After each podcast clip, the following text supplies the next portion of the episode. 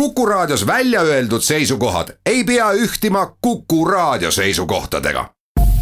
Te kuulate Kuku Raadiot.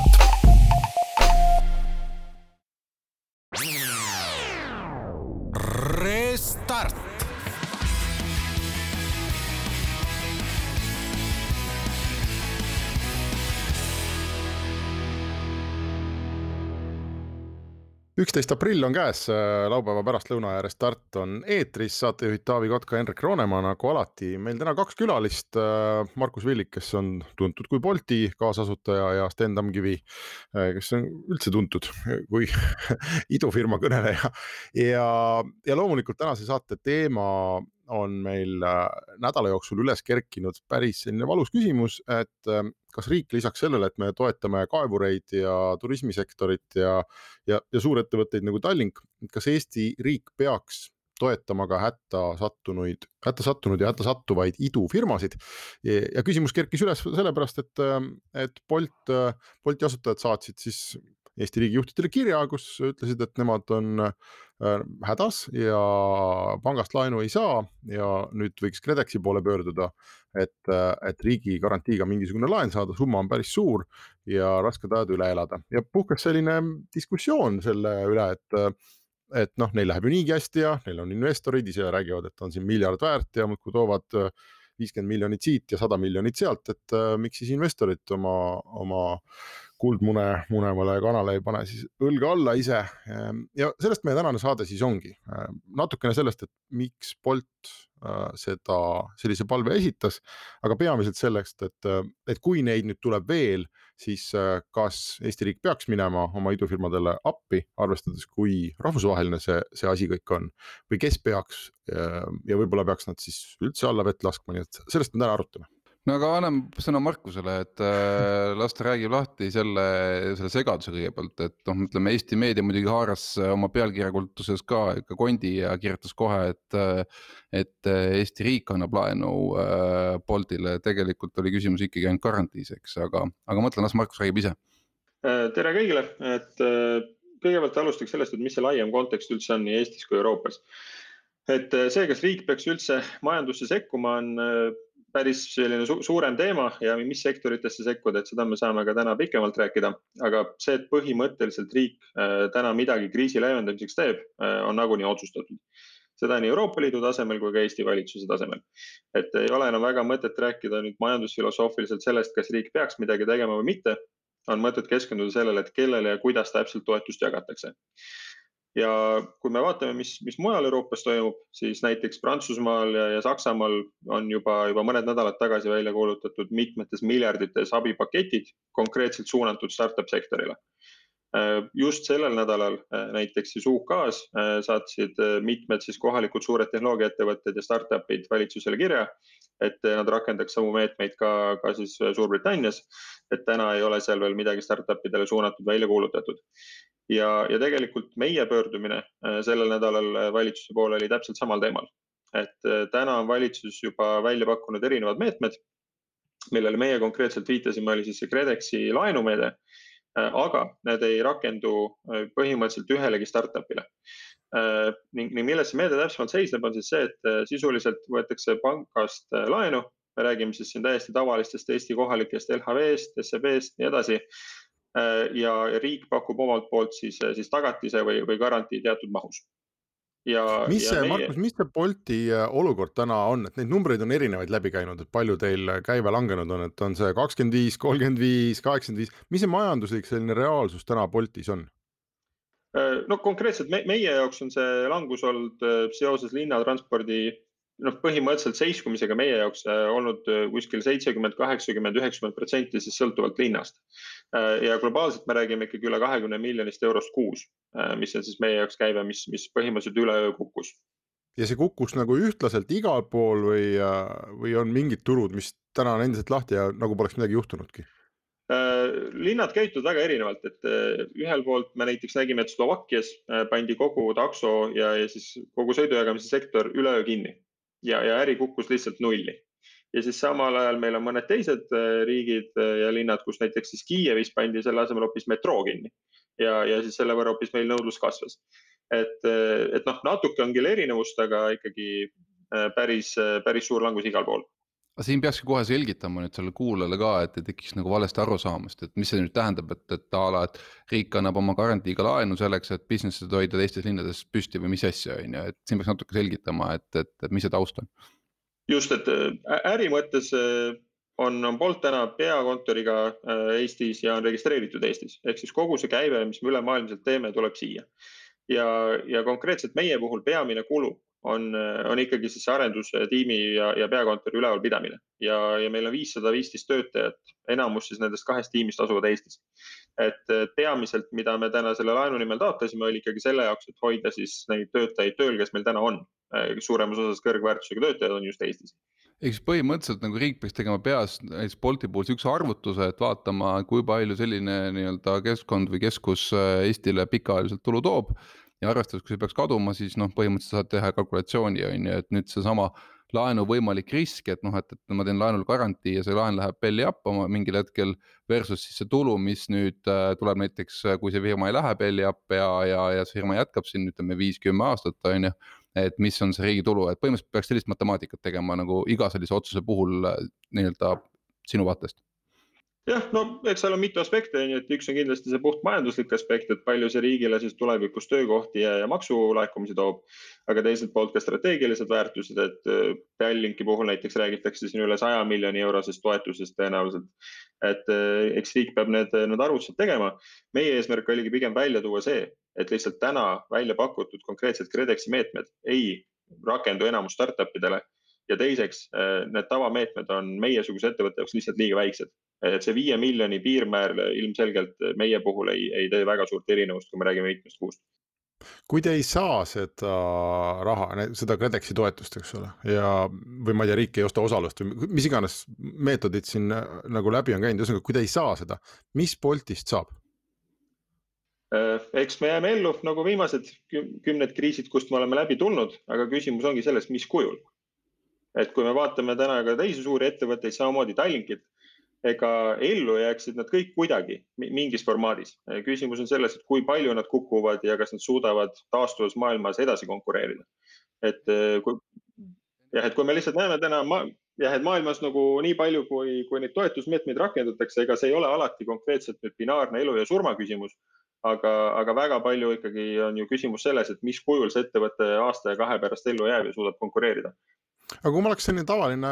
raadiokuulaja, siis, siis ma mõtleks, kuulaks Markuse juttu ja mõtleks, et okei okay,, Tallinkil on laevad, eks ole, suured rauast asjad. Mm, tõenäoliselt sadu miljoneid laene peal, ma ei tea, ei ole majandusaasta aruandeid lugenud, aga hästi suur laenukoormus, rauast asjad ja nende rauaste asjadega ei saa niimoodi, nagu näiteks teie saaksite võib-olla töötajatega. et sa võid öelda kolmele neljandikule oma tüüpidest, et olge hea, minge ära ja kui ajad lähevad paremaks, olge hea, tulge tagasi, eks ole, hakkad uuesti selle protsessiga peale. noh, Tallink laevadega nii ei saa, järelikult loogiline, sinna tuleb raha anda. Teie võiksite ju tõmmata püksirihma praegu kõvasti pingule ja, ja lihtsalt üle elada selle. et miks te peate neid inimesi tööl hoidma, kui teil tegelikult ei olegi äri võib-olla aasta otsa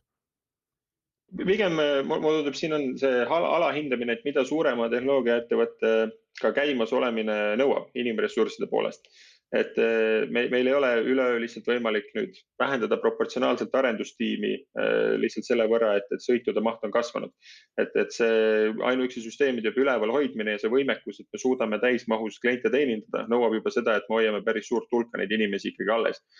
et muidugi, me oleme enda poolt teinud kõik võimalused, mis meil on enamus osakondades kärpinud siin aega ja, ja töömahtu vähemalt kolmkümmend protsenti, ka arendustiimil isegi kakskümmend protsenti. Ja, ja mitmed muud meetmed, avades uued ärisuunad ja nii edasi. et mõistagi me teeme enda poolt kõik, mis võimalik, otsime ka muid finantseerimisvõimalusi. aga antud juhul tundus lihtsalt mõistlik äh, siis ikkagi välja tuua see probleem, et, et tänane need välja pakutud meetmed lihtsalt ei rakendu enamus startup idele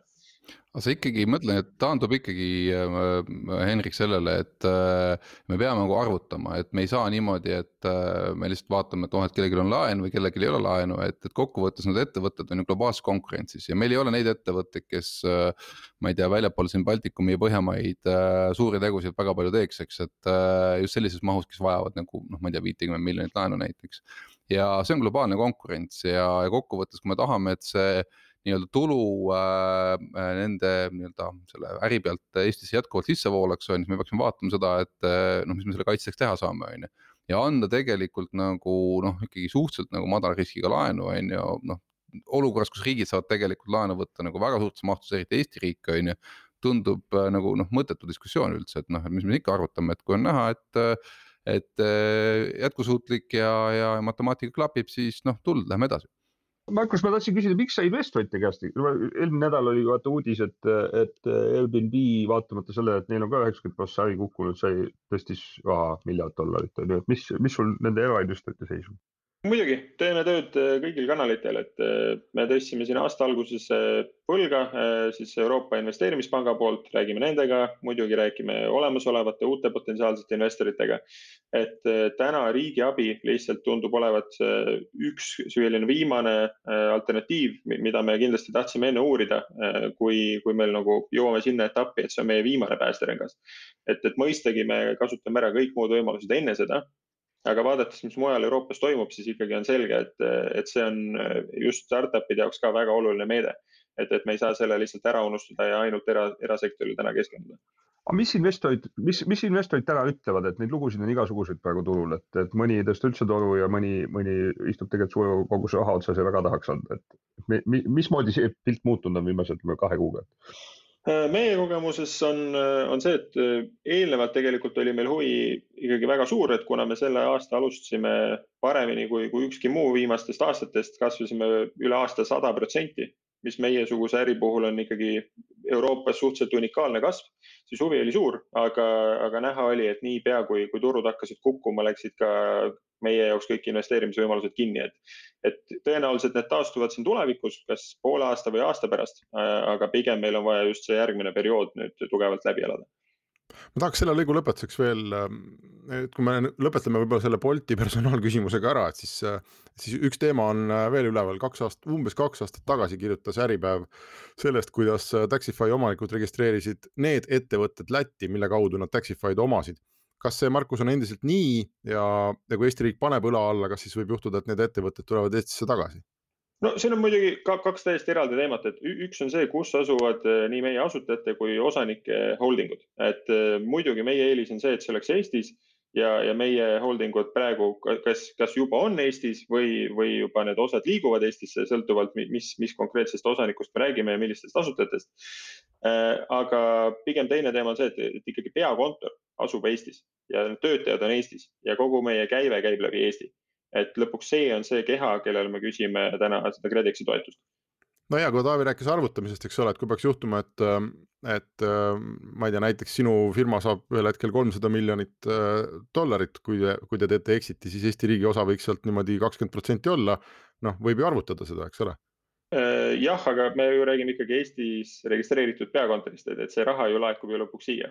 ei no Markus ütleb Henrik pigem selles, et jah, et, et äkki peaks Läti riik toetama, kui seda tuluka maksab pärast nagu Läti on ju, et äh, see oli, ma arvan, Henriku mõte siin praegu. ei, selles osas me, me näeme, et nagu lõppude lõpuks kõik osanikelt, osanike müügist laekuvad summad ikkagi laekuvad Eestisse. väga hea, nii ka esimene paus. Restart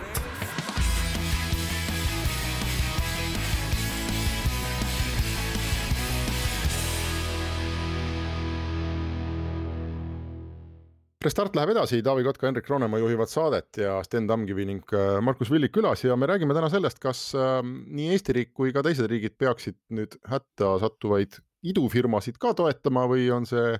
selline privileeg ainult nii-öelda vanamajandusettevõtetele? No minu selge seisukoht siin selgelt on see, et me peaksime kogu aeg arvutama, vahet pole, mis äh, sektorist me räägime, ehk siis, et äh, matemaatika peaks pidevalt käima ja nii naljakas ei ole, et äh, kuigi meil on meeletus koguses datat, meil on isegi seda datat, et kui palju näiteks ettevõtete vahelised, vahelised käibed on tõusnud või langenud, eks, mis sektorid on pihta saanud ja nii edasi, see on kõik meil olemas. aga jätkuvalt kogu see diskussioon on hästi emotsionaalne, et noh, et, et a la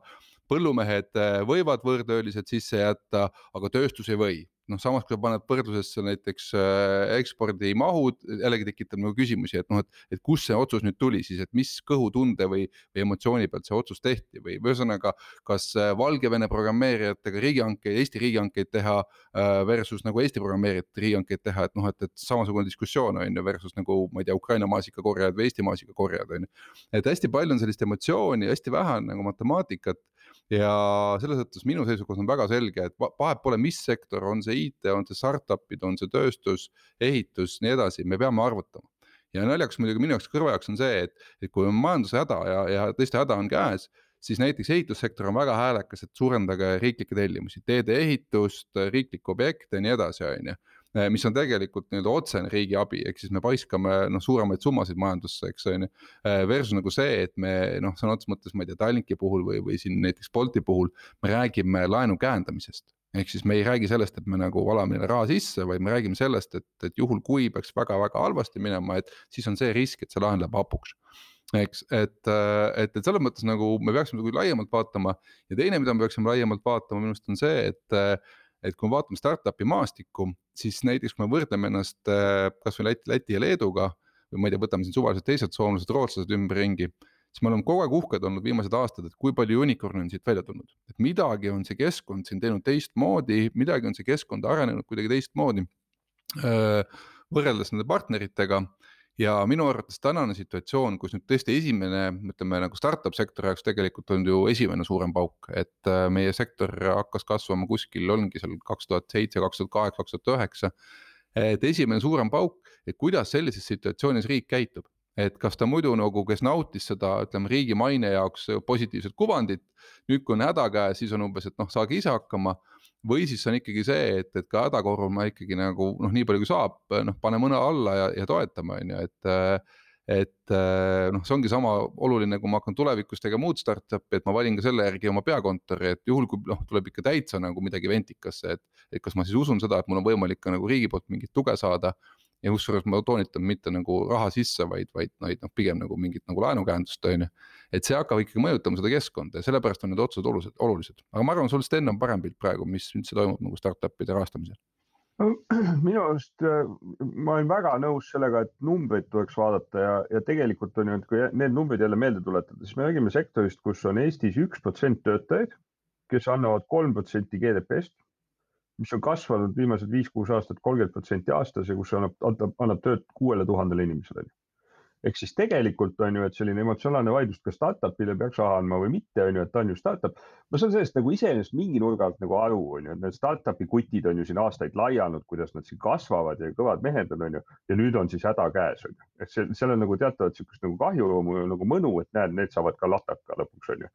aga, aga kui me nagu selle emotsiooni kõrvale jätame ja ratsionaalselt nagu vaadata, et siis sisuliselt on ju äh, me oleme trajektooril, kus aastaks kaks tuhat kolmkümmend võiks olla see kümme protsenti majandusest. ja nüüd on nagu küsimus selles, et kas meil see, et tuli kuskilt üks pisike värdjas nimega Covid üheksateist on ju, et kui, kui nagu see tüüp tuli ja üleöö nagu see sektor ära kaob, on ju et, et kas see on meie jaoks okei okay., et kas me nagu tahame Eestit, kus kaks tuhat kolmkümmend ei oleks kümme, kümme protsenti eksporditööstus, eh, tehnoloogiatööstus, vaid oleks näiteks üks protsent jätkuvalt. ja, ja, ja et noh, et see on see, mida vaadata, et tegelikult ühegi ettevõtja seisukohast, eks see mina, minu arust nagu, kui, kui rääkida ettevõtjatega, on see siis tehnoloogiasektoris või väljaspool, siis kui sa ajad oma äri nagu riigi turjal, siis pigem see on nagu häbiasi et, et see ei ole nagu küsimus selles, et nagu istuvad ettevõtjad ja mõtlevad, oh lõpuks saab. ma, pigem ütleks, et see on nagu põlvkonnavahetus on toimunud, et meil on üheksakümnendate ettevõtjad, kes elasid ja oskavad elada riigihangetest ja ma ei tea kolmekümne aastasest eh, munitsipaallepingust koolide haldamiseks, et see oli nende ärimudel, et täna me räägime ikkagi ettevõtjatest, kes on uhked sellele, et nad on nullist oma kätega midagi ehitanud, tõstnud kapitali erasektorist, nii edasi. aga nende äri neist sõltumata, nende äriotsustest sõltumatutel põhjustel nagu kõigil teistel kukkus üheksakümmend protsenti üleöö. ja, ja küsimus on selles, et kas nad jäävad ellu. ja, ja ma arvan, et teistpidi vaadata äh, hästi nagu lihtne sellises analüüsis on vaadata, mis juhtub, kui seda ei tee, mis, mis juhtub, kui ei sekku. et kui meil on nähtamatu käsi ja vaba turg ja vaatame, mis saab, onju. et noh, neid mõjusid on nagu üsna lühiajalisi on ju, et kui, kui nendest samad Markus rääkis, et viissada viiskümmend töötajat on ju, siis riik võib teha arvutuse, et okei okay,, et kas anda täna üks laenugarantii, mis ei vii raha välja või sul on kakssada inimest Töötukassa reservide juures ja muide, meil startup'i keskmine palk on tüüpiliselt kaks pool, kolm korda Eesti keskmisest kõrgem, ehk siis sul on nagu kakssada paari tuhande eurose kuupalgaga inimest, kes tahaksid saada paar kuud nagu oma välja teenitud töötuskindlustusmakse vastu nagu raha, on ju. et see on nagu reaalne sularaha, mis tuleks kohe välja maksta versus see, et anda üks garantii. Äh, aga see teistpidi on neid, neid nagu mõõt-, nagu asju, mis võivad nagu valesti minna, on ka pikaajalised, noh jällegi vaadata seda rahvusvahelist pilti, et, et kui Prantsusmaa äh, paneb nagu mõned miljardid kohe töösse. Hmm? neli miljardit, neli miljardit on Prantsusmaal ne,. neli miljardit äh, töösse, kui, kui Inglismaal äh, protsessid käivad väiksemates riikides, et noh, näiteks Bolti puhul on ka Eesti riigijuhid käinud ja vastu rinda tagunud, et meil on Eesti kõige kallim OÜ et, et äh,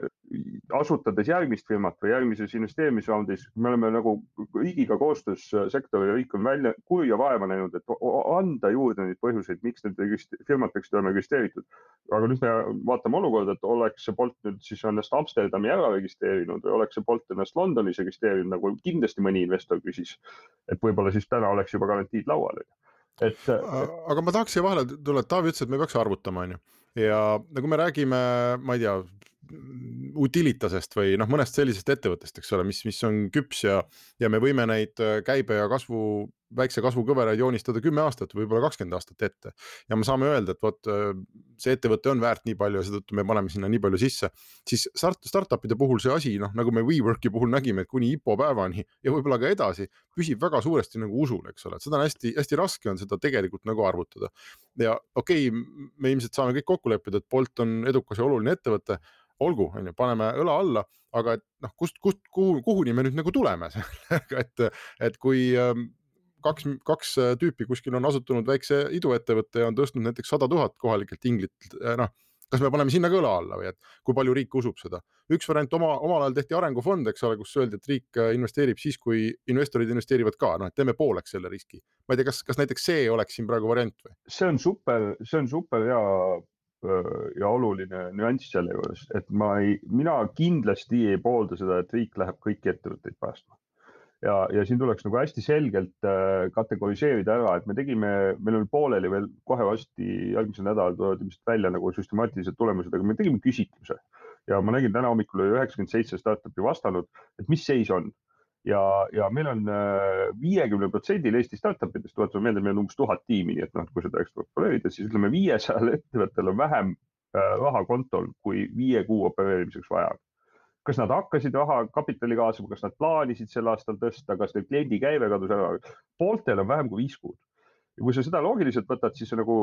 kaks kuud kestvast kriisist tulevad enamik läbi. kuus kuud kestvast kriisist enamik või väga paljud enam ei tule. ja, ja selles, selles olukorras minu arust äh, on kriis mõnes mõttes ka puhastustuli. et tegelikult neid firmasid peabki ka terve ports minema põhja. kahjuks see on kurb, see on traagiline, seal on paljud inimesed, kes jäävad korraks töötuks, ettevõtjad, kellel on see, olles ise ka mõne ettevõttega hävinud, see on õudselt dramaatiline, aga teisest küljest see vabastab nagu uusi inimesi, uusi asju tegema, uusi ideid, uusi töötajaid turule,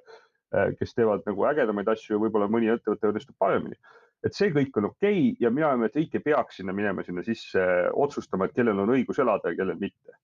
Äh, aga, aga see ja seal minu arust see mudel, mis sa just viitasid, see arengufondi mudel on minu arust väga hea proovitud ja testitud Iisraelis, Eestis, äh, mitmel pool. et äh, riik võiks nagu toetada, õla alla panna, näiteks kui, kui Markus suudab tõsta natukene erakapitali praegu et siis annab see riigile täiendava kindluse, et kui ta annab sinna veel mingi garantii juurde, et siis see ei ole nagu riigi otsus, vaid see on nagu riik nagu toetab eraäri, mis nagu raskustest ennast läbi töötab.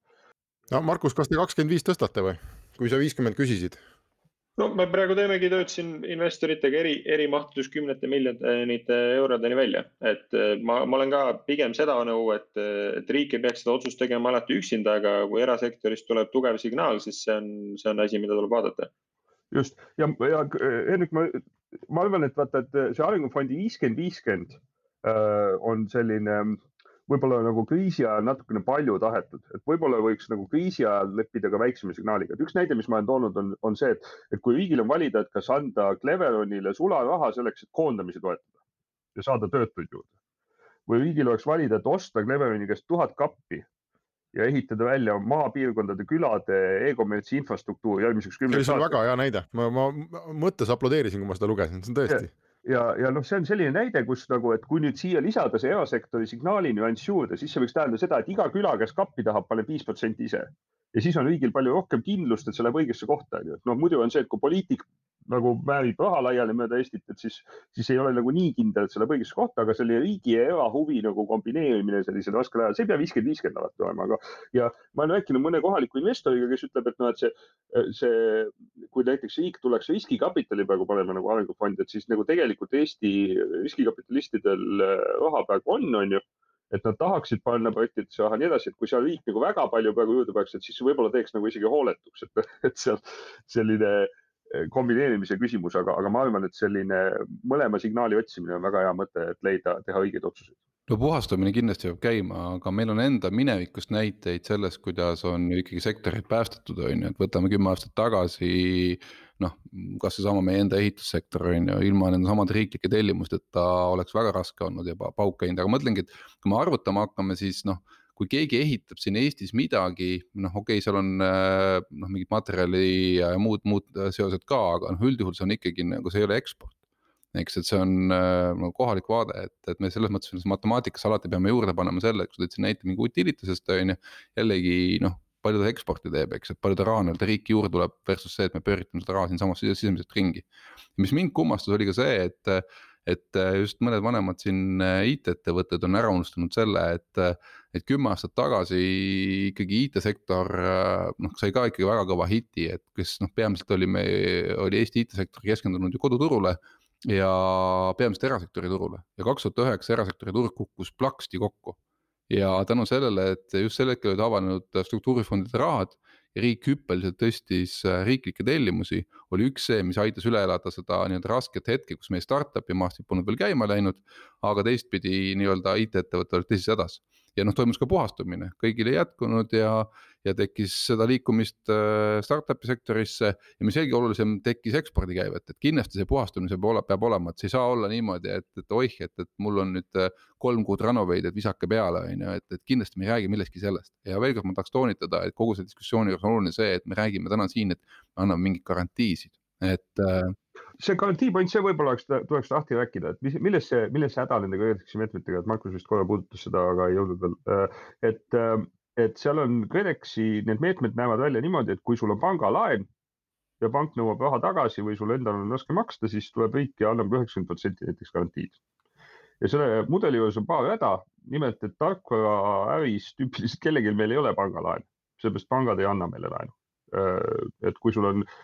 viiskümmend või, või viissada programmeerijat, äh, siis nende arvutite vastu, mis seal laua peal, et ei ole nagu, see ei ole piisav tagatis, et laenu võtta, seepärast. ja see on, ütleme niisugune laiem majanduslik probleem, mille võiks ka järgmise kümne aasta jooksul ära lahendada, on see, et nagu inimkapitalil ei ole nagu väärtust tegelikult selles mudelis on ju et me, inimkapital ütleme uhkelt ja ütleme, et me oleme targad inimesed, aga tegelikult nagu sellise finantseerimise juures nagu neid ei arvestata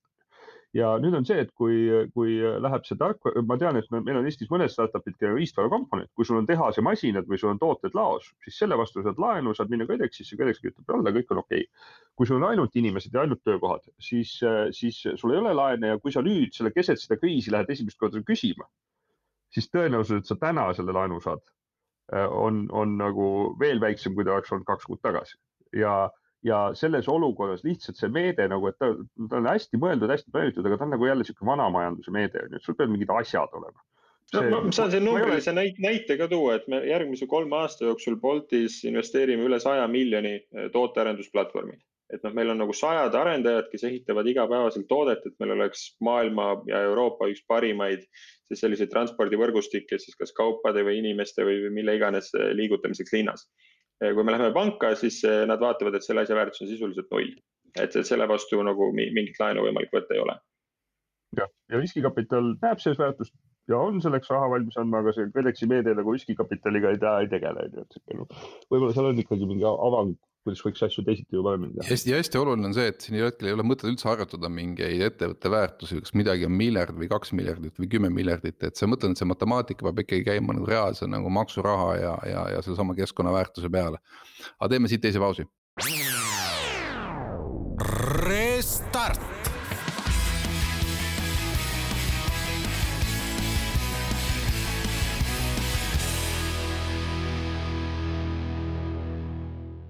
Restart läheb edasi, Taavi Kotka, Henrik Roonemaa juhivad saadet ja Sten Tamkivi ning äh, Markus Villig meil külas. Äh, viimane plokk, et äh, kui me võtame nüüd natukene korra sellise veel kolmandama vaatenurga siit, et. et see, mismoodi, millist sellist tagasisidet või, või, või kiha tekitas see nii-öelda startup'i sektori hüüe, et oota, aga me oleme ka päris olulised ja, ja äkki peaks meie peale ka natukene mõtlema, eks et see tekitas nagu ühiskonnas mingit sellist teatavat äh, tagasipõrget, et oih, et no tõesti, need on pailapsed ja neil läheb niigi hästi ja. ja, ja, ja miks te ei võta oma investoritelt raha ja nii edasi, on ju. et, äh, et räägiks natuke sellest ka, et, et miks selline emotsioon üldse tekkis või, või, või kus selline nii-öelda noh, ma ei tahaks öelda klassiviha, aga no ütleme teatavat sihukest kahjurõõmu viha siin ikkagi oli, et. Äh, et võib-olla Sten, sul on mingi vaade selle koha pealt, et, et kuidas seda situatsiooni selgitada noh, mingi, mingi selline foon, sihuke kahjurõõmu foon on seda idufirmadusega alati nagu kaasas käinud, sest see noh, need on ju, idufirmadel ei ole ju alguses kasumit ja siis nad põletavad investorite raha ja siis neil on palli merikontoris ja igasuguseid asju heidetakse ette. ma olen nagu vaikselt lootnud, et me oleme sellest nagu üle saanud, et noh, et kui meil, kui meil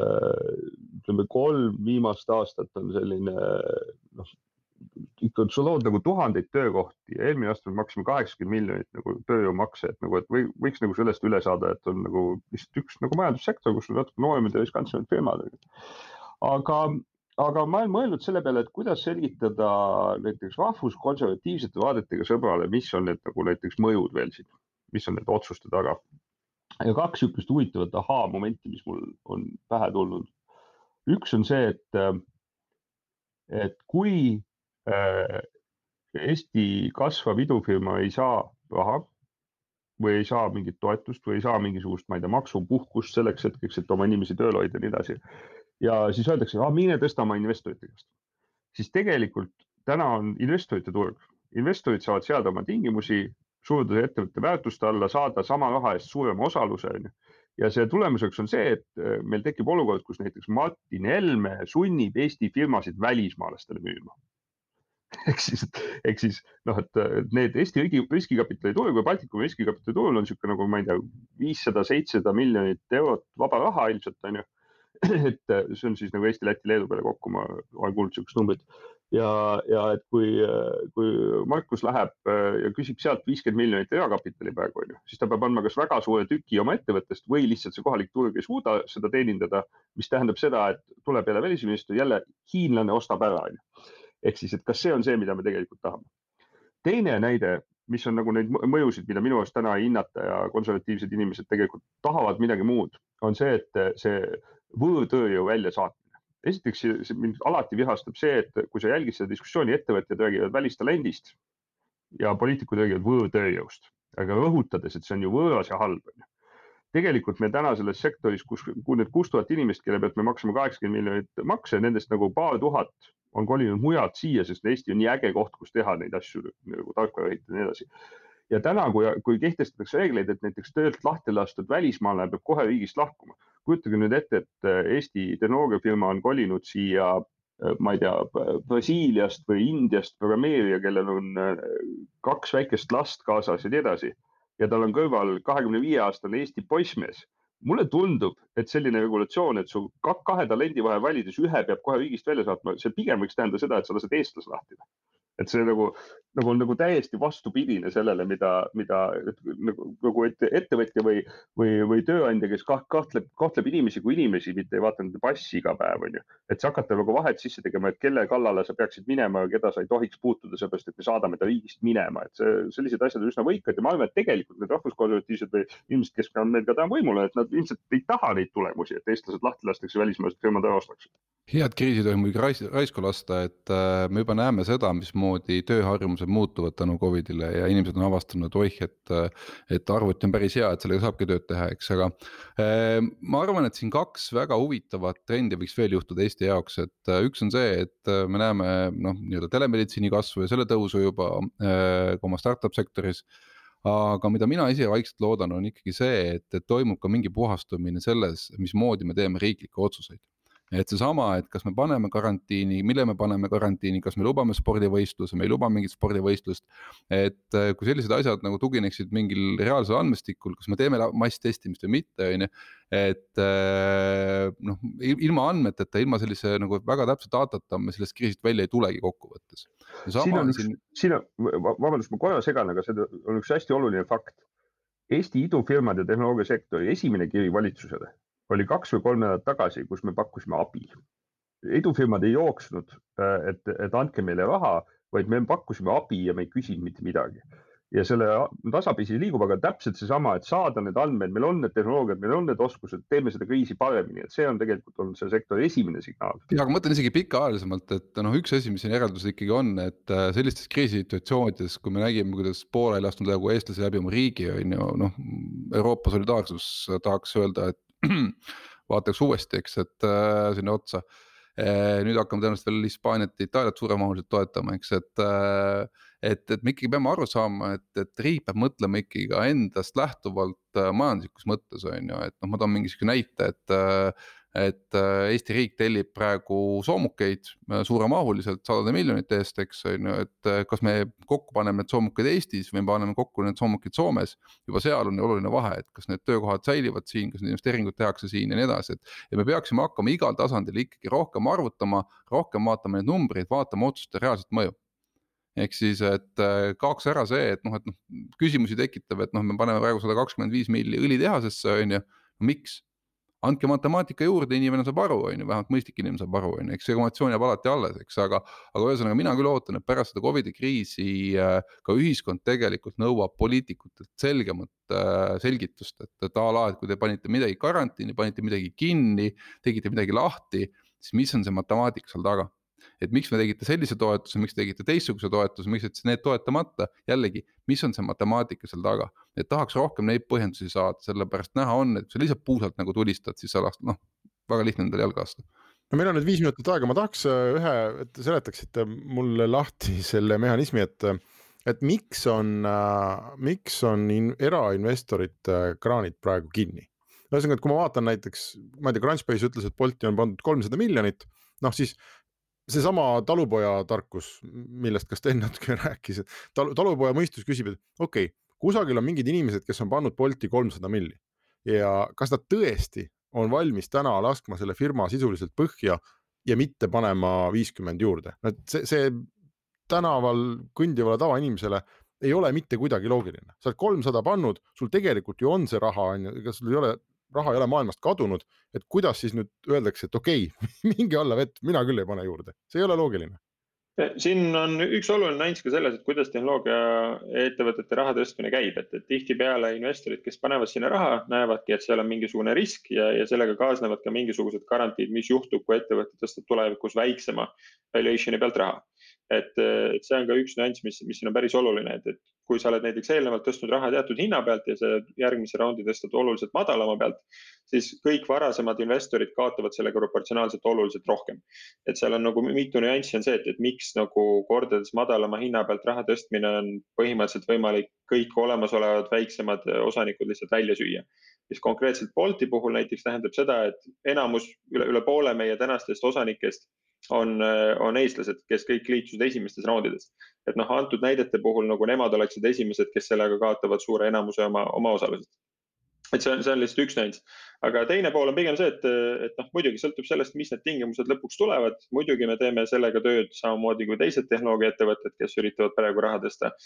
aga, aga küsimus ongi selles, et kuna enamus investoreid ei taha per, nagu lihtsalt absoluutselt järgmised kuud ühtegi investeeringut teha, kuni nad näevad, mis turuga toimub siis, siis see panebki ettevõtted raskesse olukorda. Vaata, seleta mulle korraks see mehhanism lahti, kui sa tõstad praegu madalama valuation'i pealt, et siis need suured investorid, kes sinusse on raha pannud, mis nad siis teevad, et nad saavad osalust väiksemate arvelt siis juurde või kuidas see toimib? Sõltub jah konkreetsest ettevõttest, et, et noh, tüüpiline, mis on, on see, et jah, et kui sa investeerid mingi teatud hinna pealt, siis kui järgmine kord ettevõte tõstab madalama hinna pealt, siis see eelmine investor saab siis mingisuguse garantii võrra saab siis omale osalust juurde, et seda kompenseerida.